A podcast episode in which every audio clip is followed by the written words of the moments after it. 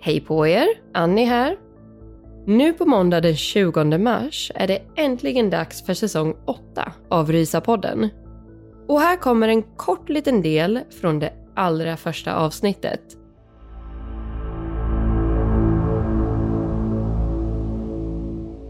Kort därefter tog begravningsbyrån emot de pengarna som mannen i telefonen hade lovat.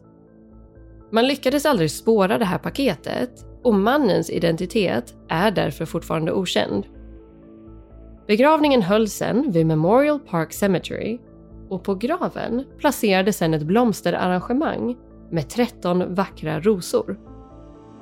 Blommorna hade anlänt till begravningsbyrån från en anonym person som aldrig heller har kunnat spåras. Tillsammans med blommorna fanns det ett handskrivet kort med texten “Love forever, Louise”.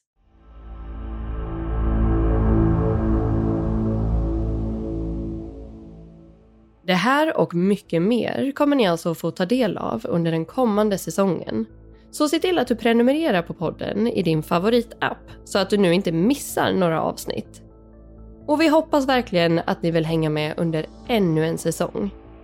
Så ta hand om er där ute så hörs vi snart.